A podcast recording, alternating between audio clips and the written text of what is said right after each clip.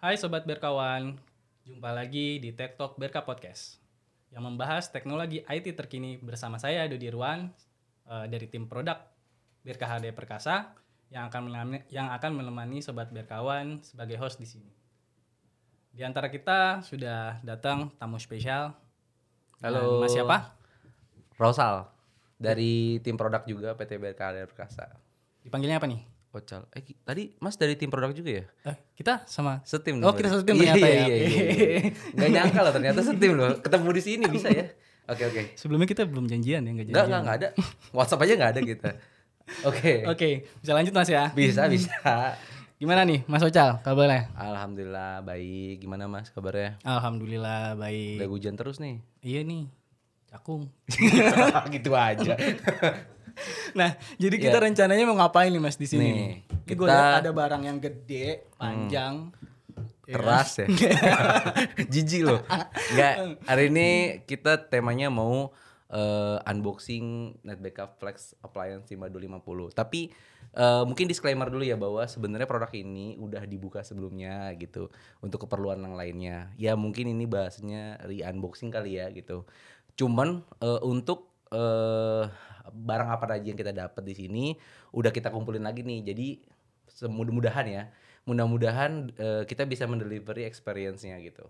Oke, eh, kalau boleh tahu nih Hmm. Mas, kira-kira apa isi yang di dalam ini? Kemudian ada Hmm. ceritanya nggak? Aduh. Jadi gini, Mas. Enggak, enggak ini bukan sesi misteri. Ini bukan sesi misteri. Jadi ini adalah eh, net backup eh, eh, Flex Appliance 5250. Eh, sebenarnya ini adalah lini eh, produk dari eh, Veritas ya yang berbentuk appliance. Jadi mungkin teman-teman sobat dari kawan ada yang belum terlalu paham terkait dengan appliance ini apa sih gitu. Appliance ini sebenarnya adalah server yang memang sudah dihardening dan dituning khusus untuk si eh, produk tersebut yaitu adalah si Veritas Net Backup. Sehingga eh, biasanya produk ini nantinya akan digunakan untuk eh, mengejar performance backup yang lebih baik. Seperti itu. Biar mempersingkat waktu nih, Ah, mungkin teman-teman dari Sobat Berkawan juga Udah pe- udah kepo banget ya. udah kepo mau tahu apa isinya. Jadi biar nggak pakai lama, kita langsung unboxing aja gimana? Let's go.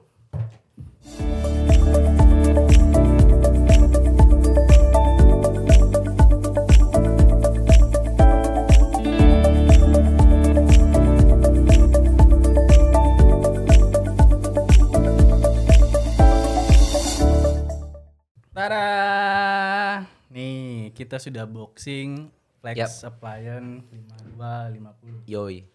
Jadi tampilannya seperti ini kawan-kawan. Ya. Oke. Eh, untuk lebih detailnya nih Mas Socal nih, kita boleh tahu nggak apa aja nih yang kita dapat? Kemudian juga fitur-fiturnya ada apa aja? Oke oke. Jadi eh kalau fitur mungkin nanti kita bahas pas eh, ini ya implementasi strategi ya. Jadi paling eh, ini ini adalah si eh, Veritas Net Backup Flex Appliance untuk compute-nya. Jadi eh, dia itu masih tritir arsitektur, bukan yang modelnya HCI, sehingga di bagian paling atas itu ada compute node-nya. Inilah compute node-nya. Nah, eh, yang kita terima dari dari paket pembeliannya itu adalah ada box 1, 2 dan ada rel kitnya serta ada si appliance flex-nya. Oh iya, tadi kita nggak nge-shoot pas ini ya, pas bongkarnya. Oh ya. iya. ah. Soalnya ya ini ya guys, ruangannya cukup terbatas ya. Jadi sorry ya guys, kita nggak bisa nampilin Sobat berkawan. unboxingnya. Ya ya ya ya. Yang pertama eh kita buka-buka buka box yang pertama. Oh ya mudah-mudahan kita bisa ngedeliver ini ya experience bongkarnya. Oke, di box yang pertama ada apa Sip. nih? Box pertama. Di box pertama itu kita dapat covernya. Jadi covernya seperti ini, disertai dengan kunci locknya. Kunci ini nantinya akan dipasangkan eh, eh, untuk penguat di sini. Jadi ntar modelnya kayak gini. Nah, Pasang kayak gitu dia. Nggak usah kali ya. Ganteng. Oke, nanti kita pasang deh. Terus Oke, lanjut di box kedua. lanjut di box kedua boleh dibantu Mas. Oke. Mm-mm. Ini apa? Oke. Box kedua ini ya ibu-ibu nomor 58. door prize, door prize. Enggak, ini kita ada kabel power. Kabel power ini tipenya C13 dan C14 tentunya. Ada dua buah karena eh, dia ada power supply redundant ya, redundant. Nah, ini kunci yang tadi, kunci si eh, covernya. Covernya ya. Mm-mm. Terus Kemudian- dokumen, dokumen apa nih? Oh iya nih. Ini Dilarang parkir. dalam rokok enggak nih ini adalah eh, dokumen eh, apa namanya welcome guide-nya gitu. Di sini disertakan juga link download untuk eh, source-nya si Veritas ini firmware-nya lah ya firmware-nya. Sini ada. Kemudian eh ini kita bongkar lagi aja kali ya Mas Dodi. Mungkin bisa dibantu ininya Mas yang sudah dikeluarkan. Oke ini juga sebelum ini kita dapat eh, spare baut. Spare baut ini ini nanti spare bautnya dipakai untuk eh, meng- mengencangkan bagian-bagian si appliance-nya. Kemudian di sini ada warranty and licensing document. Di sini disertakan eh, banyak bahasa termasuk bahasa Arab sehingga tapi ini bahasa Arabnya Arab Arab gundul sih jadi nggak ada tandanya nih Soalnya Oh, nggak tuh? Insya Allah sohi sih. Nah, nah, kalau kalau dari prinsipalnya ini iya, ya? iya, nggak nggak bakal dibaca juga sih. Arah gundul cuy, parah. Gue nggak bisa bacanya sih, belum sejago itu. Mungkin Mas Dodi bisa bantu juga nih. Oke. Nah, sambil saya ngerapain ini, Heeh. eh, nanya-nanya Mas. Boleh, boleh, boleh. Ini eh, dari produk ini, Yap. Seplayan 5250 itu kan banyak turunan dan generasinya. Iya, iya, iya. Nah, kalau bisa bisa nggak dari Mas Ocal nih menjelaskan dari generasi ke generasi, kemudian juga implementasinya nanti seperti apa? Boleh, boleh, boleh. Jadi eh nanti kalau sebenarnya secara secara gambaran garis besar ya bahwa si 52 52 ribu ini 52 5200 series sorry 5200 series ini banyak generasinya dari mulai 5230 sampai dengan sekarang 5250. Nah, eh, sebenarnya em, untuk penjelasan itu nanti kita ada slide-nya juga nih yang kayak aku udah eh, mention di awal. Di situ nanti aku akan jelasin lebih detail gitu sih. Kemudian kita dapat rail kit nih guys. Dapat rail kit dua buah. Ini yang akan dipasangkan di bodinya si eh, flexnya.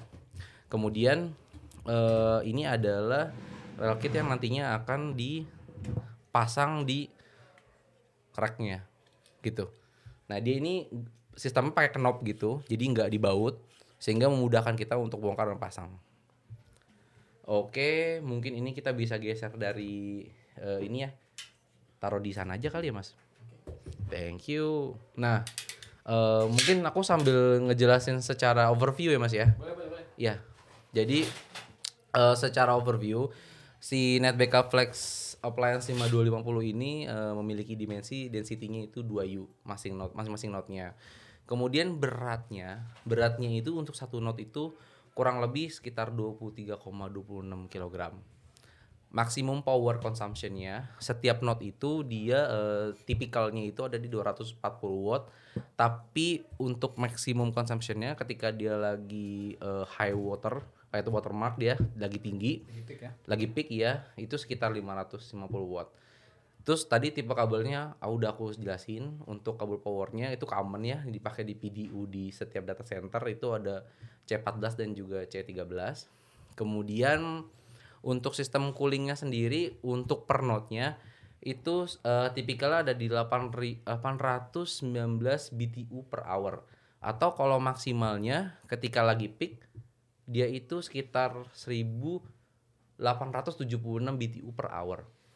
Terus ag- agnostic noise-nya ya, agnostic noise-nya itu juga dia terbilang nggak terlalu kenceng, sekitar 70 dBA.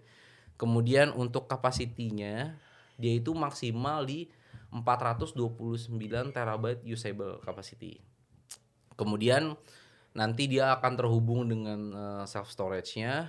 Nah, menghubungkan antara si compute dengan self storage sendiri itu nanti ada kabel SAS 3 sehingga dia akan dikoneksikan secara eh, beruntun gitu. Kemudian masuk ke speknya si eh, appliance ini ya. Jadi dia ini pakai prosesor Intel 421 dua soket satu soketnya itu ada 12 core, speednya itu 2,2 GHz. Kenceng tuh, kenceng. RAM-nya eh, tersedia dari ada tiga konfigurasi. Pertama itu 8 kali 8 itu ada 64 GB. 8 kali 32 itu 256 GB. dan yang paling tinggi itu eh, lap- 16 kali 32 itu 512 gigabyte gitu Gede juga ya. Gede. Eh, oke. Jadi kenapa si net backup appliance ini bisa punya konfigurasi RAM sebesar itu ya? Karena fungsinya nanti dia eh, untuk backup dan juga untuk melakukan duplikasi. Deduplikasi sorry. Deduplikasinya. Dan speed RAM-nya ini eh, ada di 3600 mH gitu. Kemudian untuk disknya sendiri ini kan yang eh, ini seri ini seri yang paling kecil FYI ini dia ada di 64 GB RAM-nya. Kemudian disknya sendiri itu di 9 terabyte. Nah untuk konfigurasi disknya sendiri yang di compute ini dia RAID 1 di mana itu standar mirroring ya Mas. Ini kan nanti tujuannya adalah untuk menyimpan firmware. Tapi bukan berarti eh, sobat berkawan yang mau menggunakan si Flex ini tidak bisa menyimpan data di sini, tetap bisa. Karena dia eh, secara usable untuk yang paling rendah itu ada di 9 terabyte. Terus untuk storage-nya nanti di bawahnya itu dia dikonfigurasi menggunakan RAID 6 itu untuk per self-nya. Ada 12 drive di sini nantinya yang eh, kapasitasnya itu untuk si self storage-nya maksimal 65 terabyte. Berarti untuk satu shelf-nya si storage-nya ini Iya. ada 12 ya. Ada 12 disk benar, ada 12 keping ya. Maksimal shelf-nya seberapa banyak tuh? Mas? Maksimal self-nya itu ada 6. Jadi ketika ditotal dengan compute-nya sendiri itu sekitar 429 tera gitu. Em, kapasitas sebesar itu tentunya eh, bisa kita fungsikan tidak hanya sebagai media backup ya, tapi juga bisa sebagai eh, penyimpanan sementara atau short term retention. Iya. Kemudian untuk port connection-nya dia itu ada dua pilihan untuk SFP-nya. Itu ada yang 10 atau 25 giga gigabyte. Ada eh, sekitar 6 port, berarti ada tiga card maksimalnya. Kemudian ada 16 GB FC, itu ada maksimal 8 port, berarti ada 4 card ya, ada 4 card. Terus di belakangnya itu ada 1 GB Ethernet, itu ada 4 port, itu dedicated. Kemudian ada IPMI-nya juga, 1 gig juga. Kemudian di bagian depan ini ada USB 2.0 dengan kecepatannya maksimal 480 MB per second. Oke, Mas Ucal nih Yap. ngomong-ngomong yang di tampilan depannya nih. Front Ini panel ada- ya, Iya betul, panel. front panelnya ya. Tadi kan kita udah bahas tentang rel panelnya. Ya, Nah sekarang nih gue mau tahu nih apa aja sih keterangan-keterangan yang ada Oke. di front panelnya nih. Bisa di front panelnya sendiri itu eh, ada yang di bagian sini itu ada Ember status LED-nya dan juga ada Green Activity LED. Nah, buat Ember Activity LED sendiri itu dia ada tiga mode. Yang pertama itu off, berarti eh, tidak ada drive yang diakses atau memang eh, nggak ada proses yang berjalan. Kemudian dia nanti akan berwarna eh, solid, maksudnya dia tidak blinking. Itu berarti ada drive yang diakses. Kemudian ketika dia blinking maka eh, disk drive-nya ini lagi di rebuild rate-nya. Kemudian untuk yang green activity itu eh, dia juga ada tiga mode. Yang pertama itu off, berarti off itu adalah powernya off gitu. Kemudian kalau dia solid, berarti dia powernya on tapi nggak ada disk activity, nggak ada proses yang berjalan di sini.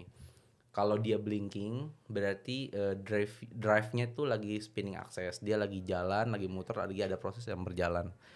Kemudian untuk di left eh, left side-nya itu ada eh, power, kemudian ada ya ada power, ada HD activity, ada sistem ID, ada NMI, ada network connectivity, kemudian ada sistem cold reset, itu ada lubangnya kecil Ini ya. eh, atasnya. Ini. Ya itu. Sistem Iya. resetnya di sini ya. Iya dia sih situ situ. Kemudian ada sistem status health di bawahnya juga gitu. Sebenarnya untuk eh, di bagian depan sih eh, cuman itu ya. Oh iya paling di sini ada USB 2.0 yang tadi aku sempat eh, kasih tahu, sempat aku spill. Dia speednya hampir eh, up to-nya 48 480 MB per second. Itu. Oke, lanjut eh, Mas Ucal nih. Ini saya udah lihat slide Oke. appliance nih. Mungkin ada ketelas keterangan atau lebih jelas lagi tentang si generasi kemudian Ah, juga ah, how to implementasinya. Oke, Bisa oke, bantu oke. jelasin nggak Ucal? Boleh, boleh, boleh, boleh. Mungkin kita mulai masuk ke sesi slide-nya ya. Jadi eh, di sini ada 5.200 families di mana eh, di sini start dari tahun 2013 sampai dengan tahun 2017 itu generasi sebelum si net backup 5250. Di 2013 sendiri itu namanya 5220 atau 5230 yang sebenarnya kapasitasnya itu hanya maksimal di 76 terabyte. Tahun ke tahun sampai di 5240 itu dia kapasitinya itu maksimal 294 terabyte. Itu kondisinya kalau udah ditan- dipasang semua tuh self storage-nya, Mas. Heeh, kayak gitu. Nah, mungkin next slide-nya eh itu ada penjelasan tentang spesifikasi dari seri sebelumnya, yaitu si Net Backup 5240. Bentuknya kayak gini ya. Jadi dia warnanya covernya seperti ini, warna merah dan Hitam hitam. Iya bener. Beda sama versi barunya berarti. Iya benar. Jadi kalau ya kalau pribadi sih saya lebih suka ini ya karena warna hitam gitu. Cuman tapi ini dia memang eh, ini udah banyak yang diimplementasikan di Indonesia.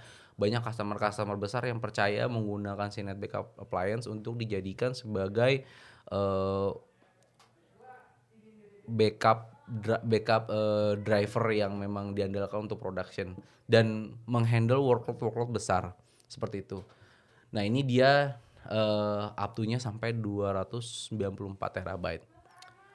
Mungkin nextnya ada penjelasan tentang si Flex 5250 ini. Nah kalau di Flex ini dia itu eh, secara kapasitas lebih besar penyimpanannya itu ada di 429 terabyte.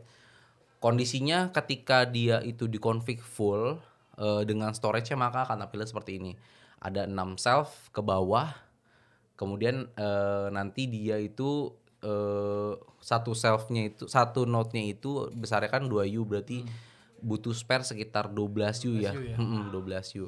Nah, em, ini sendiri memang si Flex appliance ini juga eh, cukup banyak diminati ter- eh, mengingat karena memang eh, spesifikasi yang aku sebutkan di awal tadi itu dia udah mumpuni banget, besar banget. Seperti yang di 5240 aja sebenarnya RAM maksimalnya itu kan ada di 256 GB.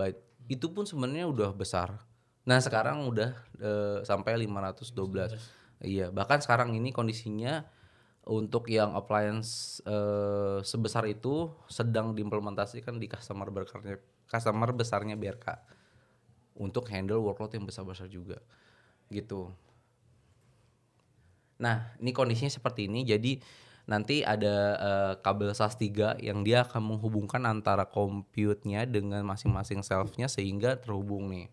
Kemudian di bagian atasnya yaitu di bagian si eh, ya si bagian si compute-nya itu ada 16 atau 8 FC, kemudian ada 1 GB Ethernet dan juga 25 atau 10 GB Ethernet SFP sih, SFP 28 kayak gitu. Kemudian eh, ini kurang lebih eh, kesimpulan dari spesifikasinya si appliance 5250 ini dia ada eh, prosesor dua kali satu Intel 421 yang sudah aku sebutkan tadi. Ya ini kurang lebih kayak gini lah ya. Mm-mm. Kemudian bisa di next lagi. Nah ini yang menarik. Jadi eh informasi sebelumnya bahwa ini aku coba geser dulu ya mas ya ke net backupnya. Sebenarnya net backup ini itu tidak hanya berbentuk appliance gitu, tidak hanya berbentuk hardware. Tapi untuk si net backup sendiri itu kita start dari kecil pun bisa. Mulai dari eh, hanya sekedar software ya saja, kemudian eh, misalnya oh, nggak mau ngedeploy softwarenya sendiri karena memang harus deploy OS-nya gitu. Kita harus ngebangun servernya sendiri atau virtual machine-nya sendiri. Maka ada pilihan virtual appliance. Dia bentuknya OVA kalau eh, sobat berkawan di existing eh, environment itu menggunakan VMware maka eh, appliance ini juga tersedia dalam bentuk OVA gitu. Bisa langsung di deploy atau mau langsung eh, pakai fisiknya si eh, net backup appliance. Mungkin aja karena dari server unitnya sendiri itu em, tersedia dari mulai yang paling kecil yaitu yang 9 tera ini. Kemudian ada satu versi dia lagi yang besarnya 36 tera untuk kapasitasnya. Dan ini memungkinkan kita untuk growth terus. Growth terus. Nah eh, menariknya adalah gini jadi kalau misalnya eh, si appliance ini em, kita kita mau dia nambah terus nih Kalau mungkin server lain biasanya akan ya udah berarti kalau butuh server lagi ya butuh storage lagi ya nambah storage lagi nambah server lagi gitu. Nah kalau si plans ini karena dia itu ada self storage di bawahnya maka ini tinggal ditambah tambah tambah tambah sampai dia maksimal gitu. Nah eh, untuk si self sendiri ini juga eh, nantinya akan disesuaikan dengan eh, pertama kebutuhan dari masing-masing sobat berkawan Kemudian eh, setelah eh, setelah dia ditambahkan ke komputernya, maka untuk spesifikasinya sendiri juga harus di adjust mas. Misalnya eh, kita punya dari 101 sampai 323 terabyte, maka eh, secara best practice kita masih memungkinkan untuk menggunakan RAM yang eh, speednya hanya eh besaran kapasitasnya hanya sekitar 256 GB cukup. Tapi kalau misalnya kita udah sampai eh, 6 self dipakai semua, maka pasti dari Veritas akan menyarankan untuk naikin spek RAM-nya. Kenapa? Karena jangan sampai eh, proses yang berjalan untuk dedup dan backup itu terg- terganggu resource-nya karena harus pinning disk banyak ini gitu. Ya banyak sih sebenarnya untuk si Flex sendiri itu juga eh, dia itu sebenarnya berbeda dengan versi yang 5250 biasa, Mas. Kenapa gitu? Karena kalau yang 5250 yang biasa itu seperti server biasa. Dalam artian kita install si net backupnya itu benar-benar di atas OS gitu. Benar-benar di atas OS. Walaupun secara OS sendiri ini kan basicnya rel ya. Ini basicnya rel 79 sampai detik ini masih rel 79 tapi eh, memang dimodify. Cuman bedanya kalau yang appliance yang biasa itu dia memang seperti server pada umumnya, tapi kalau yang ini dia itu sudah containerized sehingga eh, proses untuk membuat eh, masa server atau media server itu di dalam kontainer dan itu dideploy menggunakan Ansible di dalamnya kayak gitu. Kalau eh, apa namanya kalau Flex yang lama yang 5250 sorry yang bukan versi Flex yang 5250 biasa itu biasanya akan disarankan eh, untuk menggunakan satu role aja gitu. Misalnya dia di deploy sebagai masa server atau di deploy sebagai media server, karena dia on top OS nih. Nah, kalau si Flex ini ini memungkinkan kita untuk deploy master dan media server dalam satu appliance yang sama. Kenapa? Karena dia bentuknya kontainer gitu. Dia bentuknya kontainer. Nah, dengan model seperti ini juga eh, memungkinkan nih buat sobat berkawan yang misalnya punya branch atau punya eh apa sih namanya Mas? cabang ya, cabang. Misal di daerah-daerah butuh backup sendiri, kemudian akan melakukan replikasi datanya ke DR gitu atau ke DC-nya. Maka kita sebenarnya bisa start dari yang kecil. Dari yang 9 tera kita deploy sebagai master dan media server, kita tampung datanya di sini, nanti akan dikonfig. Misalnya kita akan nempel datanya, kita akan replikasi datanya ke eh, pusat gitu, ke DC. Itu memungkinkan. Seperti itu. Eh, Oke, ngomong-ngomong soal branch nih. Yap, yap, yap, yap. Berarti kalau misalnya case-nya nih Mas, Mm-mm. di tiap branch atau tiap regional dia ada appliance yang berbentuk Hmm, media gitu ya.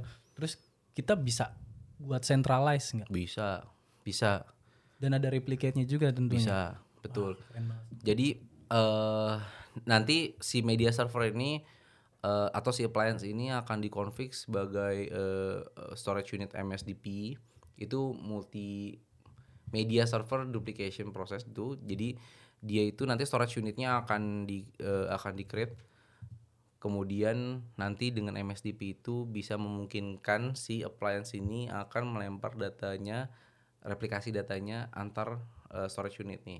Misalnya aku punya gambaran gini deh. Eh, kalau kita mau bikin centralize, misalnya di data center kita, kita build environment net backup, ada masternya, kemudian mungkin ada media server yang berbentuk server biasa karena kita deploy dari awal atau kita menggunakan si appliance ini. Kemudian nanti di setiap cabangnya kita juga punya appliance yang sama seperti ini. Nah dengan satu eh, master server yang ada di data center pusat datanya itu bisa terreplikasi atau kalau misalnya eh, setiap cabang itu punya master server sendiri nih mas itu juga tetap bisa melakukan replikasi datanya karena ada metode yang MSDP obdup dan juga ada air kita bisa cross uh, island untuk replikasi datanya kayak gitu. Oke mungkin di next. Nah uh, kenapa jadi net backup appliance nih? Jadi uh, backup appliance ini mungkin kalau kita ngomongin masalah ransomware nih udah banyak ya udah start dari 2019 tuh udah booming beritanya tapi belum common di Indonesia. Either kita yang nggak dapat informasinya karena itu tidak dipublik atau memang belum menyentuh Indonesia. Nah di tahun 2022 dan 2023 ini punya story yang cukup panjang hmm. mungkin Mas Dodi juga tahu ya gitu ada beberapa berita-berita yang muncul bahwa ada customer yang pakai ransomware sehingga eh kena ransomware sehingga uh, banyak brand brand brand brand sekarang tuh yang uh, klaim bahwa mereka punya uh, ransomware anti anti ransomware lah gitu yeah. ya. Nah, salah satunya sebenarnya si uh, net backup ini. Jadi istilahnya kalau untuk storage itu bahasanya immutable ya. Di mana uh, immutable ini adalah proses yang memang memungkinkan kita untuk memproteksi data kita nih dari ransomware kalau ransomware itu sifatnya nanti nggak encrypt sebelum nge-encrypt dia harus nge-decrypt atau harus membuka kapsulasi dari si immutable tersebut. Nah, si Flex ini dia punya fitur uh, ransomware resiliency di mana sebenarnya ada firewall blocking, ada restrict admin access, mandatory access dan banyak. Kemudian dia ada uh, encryption, ada worm, juga ada compliance clock. Nah, compliance clock ini juga menarik, Mas. Hmm. Jadi uh, dari software backup lain dan juga uh, appliance dari backup software lain, mereka tetap juga ada yang namanya uh, compliance clock ini.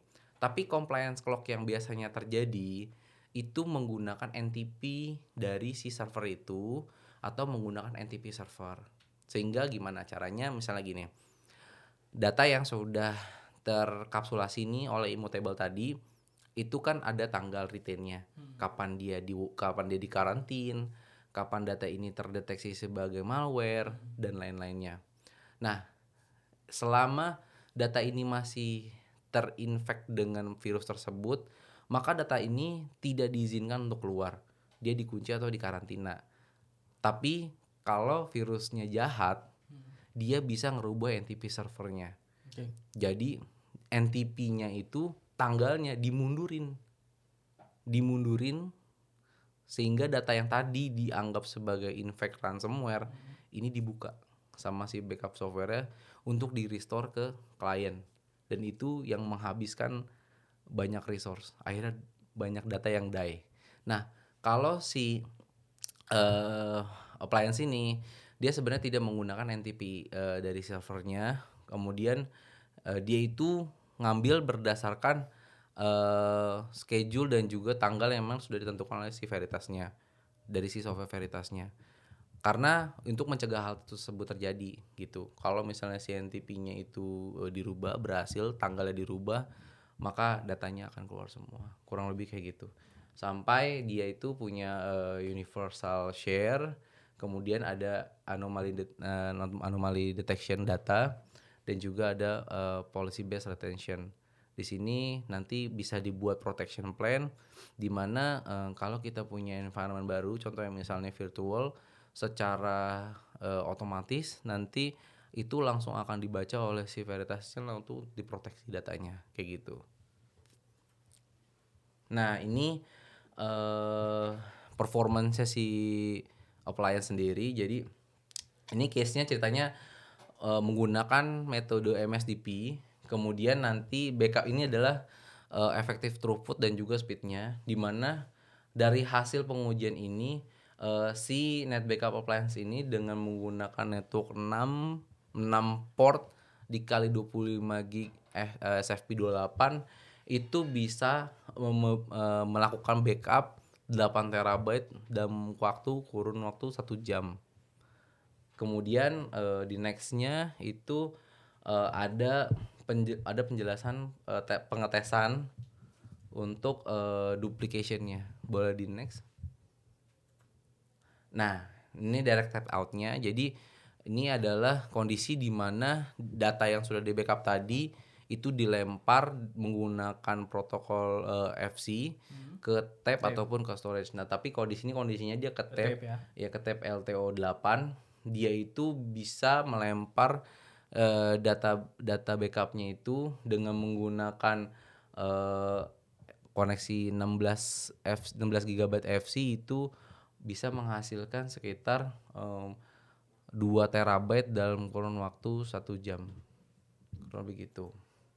Nah, eh, selain itu juga eh, untuk versi net backup yang sekarang ini di luar dari si appliances tentunya dia itu sudah dilengkapi dengan net backup IT Analytics Foundation yang di mana nanti kita bisa melihat eh, SLA kita, kita bisa memastikan backup kita berhasil atau tidak, kita bisa eh, achieve nih secara akurasi capacity planning dia akan ngasih tahu oke bentuknya seperti forecast ya. Jadi dia akan mempelajari eh, habit dari penggunaan backupnya.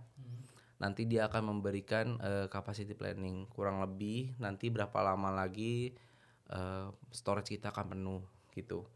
Kemudian kita bisa lihat performance dari backup kita dan kita juga bisa tahu nih gapnya di mana sih? Bottlenecknya di mana? Kalau orang bilang gitu ya kenapa udah uh, appliance kenceng tapi kok backupnya masih lambat juga. Nah kita bisa ngecek ini dari si uh, net backup IT analytics kemudian kita bisa nge-reduce dari permasalahan yang ada.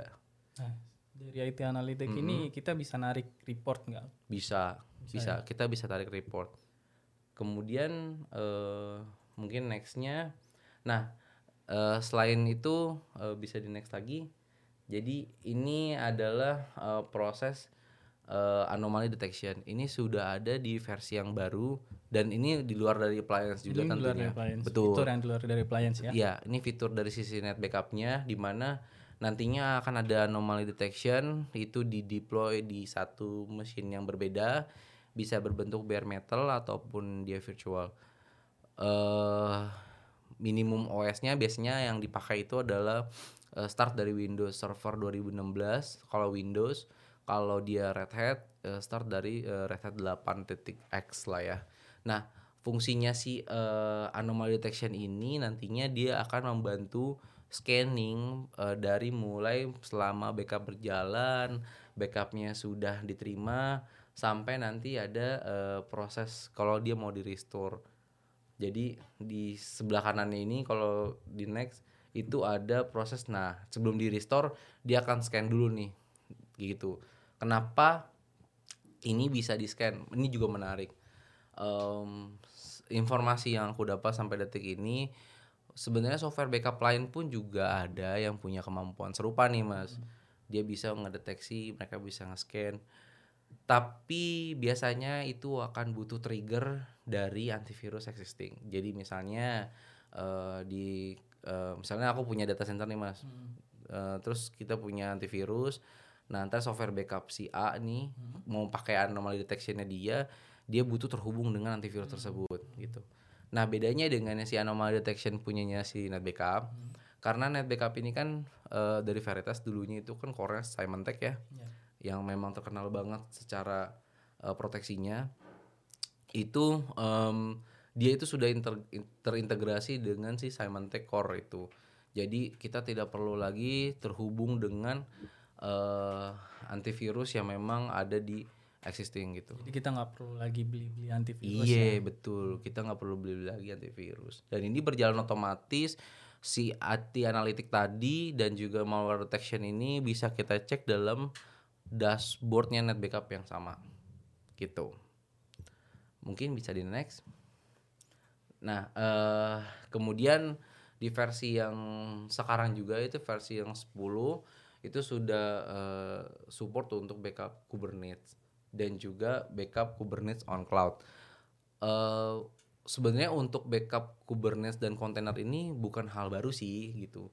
Jadi start dari versi net backup 81 pun sebenarnya udah bisa. Cuman semakin bes, eh, semakin majunya teknologi, semakin banyaknya workload yang baru, maka eh ini bentuk evolusinya dari si net backup. Kita jadi sampai bisa ngedeploy nih, ngedeploy net backup dalam bentuk kontainer di dalam eh, Kubernetes cluster kayak gitu. Mungkin di next. Nah ini juga, ini aku balik lagi ke appliance-nya. Jadi si appliance ini itu ada fitur uh, high availability-nya. Tapi bukan seperti high availability pada uh, server-server pada umumnya nih. Jadi high availability-nya itu dari sisi level backup-nya. Hmm. Nah, di sini ada penggambaran nih Mas. Jadi kan tadi aku sempat jelasin uh, bahasanya storage unit lah ya MSDP tadi. Nah, kalau seandainya kita punya dua appliance itu dalam satu site yang sama atau dua site yang berbeda tapi terhubung dalam satu island yang sama, hmm. maka uh, dua appliance tadi itu bisa kita buat sebagai storage unit group. Storage unit group ini tujuannya adalah sebagai load balance backup uh, backup store-nya gitu. Dia akan uh, mengatur di mana uh, di mana tempat penyimpanan atau siapa yang melakukan backup yang bisa digunakan gitu. In case dalam island yang sama. Iya gitu. Nanti dia harus terhubung, dia terdaftar bahwa oh ada appliance A dan appliance B yang kita konfigurasi storage unitnya, kita bikin grup. Nah di situ nanti ada pilihan uh, metodenya, ada round robin, ada failover atau load balance. Nah, nantinya itu ini penggambaran seperti ini. Misalnya ada policy backup, ini ada warnanya yang beda-beda. Misalnya ada Oracle, ada SQL, ada Exchange, iya banyak deh misalnya kita ada file system masuk ke uh, storage unit group ini.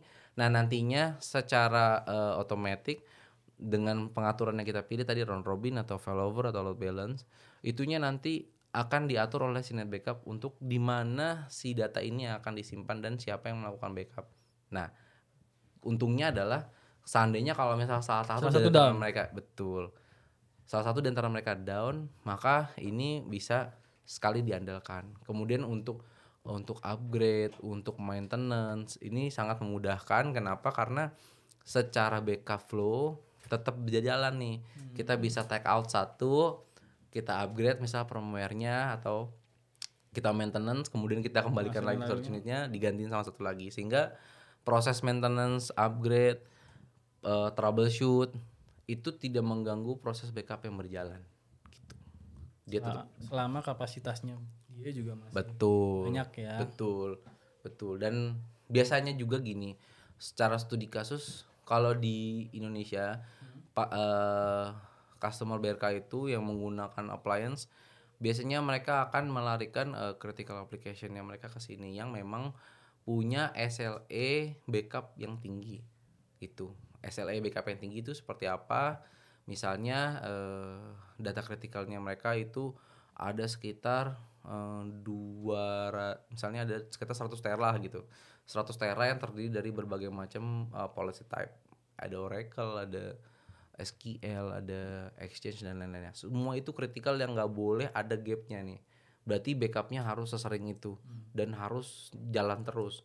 Sedangkan uh, datanya karena terlalu penting maka mereka biasanya akan ngupload ya udah untuk application critical ini kita harus kejar backupnya selesai selama kurang dari 24 jam misalnya. Dalam satu hari ini udah harus kelar nih karena besok akan ada data baru yang harus di backup. Nah itu yang biasanya dipakai si appliance untuk diarahkan ke sini gitu backupnya. Gitu sih biasanya studi kasusnya. Nah ini penggambarannya juga kayak gini. Jadi uh, ini si net backup appliance-nya uh, ceritanya Eh, terhubung dalam satu master yang sama kemudian dia handle backup workload. Ada ke objek storage dilempar datanya ke objek storage. Ada juga datanya dilempar ke tab gitu. Itu memungkinkan nah uh, penggambaran ini uh, sebenarnya adalah konsep dari uh, best practice-nya backup di mana pun.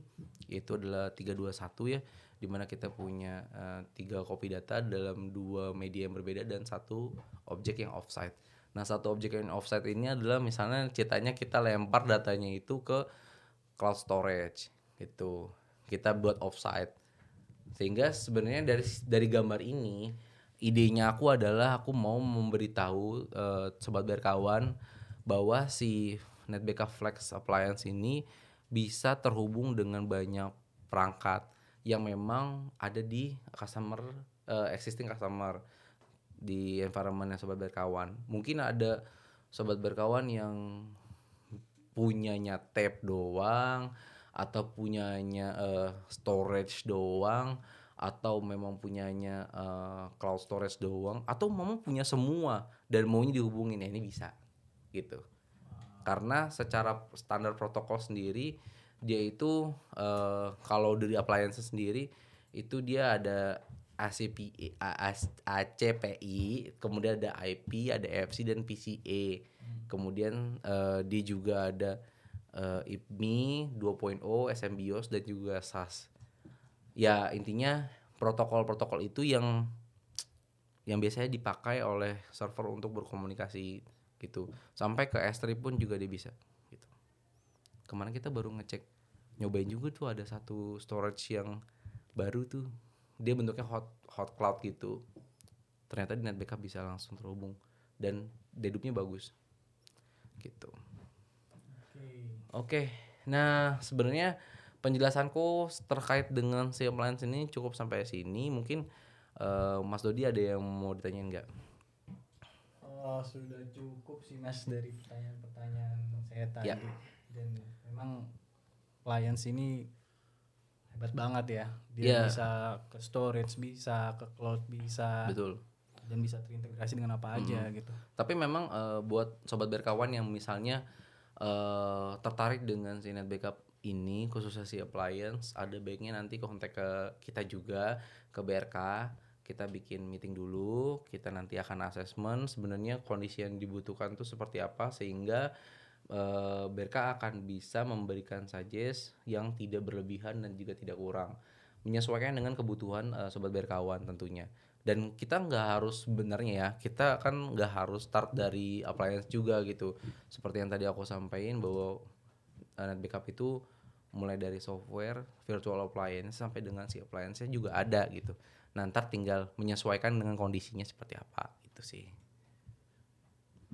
Oke, yep. Mas Ucal, thank you banget untuk hari ini. thank you guys Terus kalau bisa kita ambil kesimpulan dari podcast hari ini, yang pertama adalah kemajuan teknologi memaksa kita untuk selalu bertumbuh dan berinovasi, gak hanya dari sisi operasional, namun sampai level backup dan media penyimpanan data juga menjadi sangat penting. ya Kemudian juga skalabilitas ya sama performa itu kunci penting ya penting buat teknologi sama infrastruktur. ya Kemudian gak cuman performa aja nih, keamanan juga keamanan juga penting tuh. Apalagi belakangan ini lagi rame-ramenya Iya, ransomware kan. betul Nah, itu yang harus diperhatikan sama teman-teman dan kita semua juga.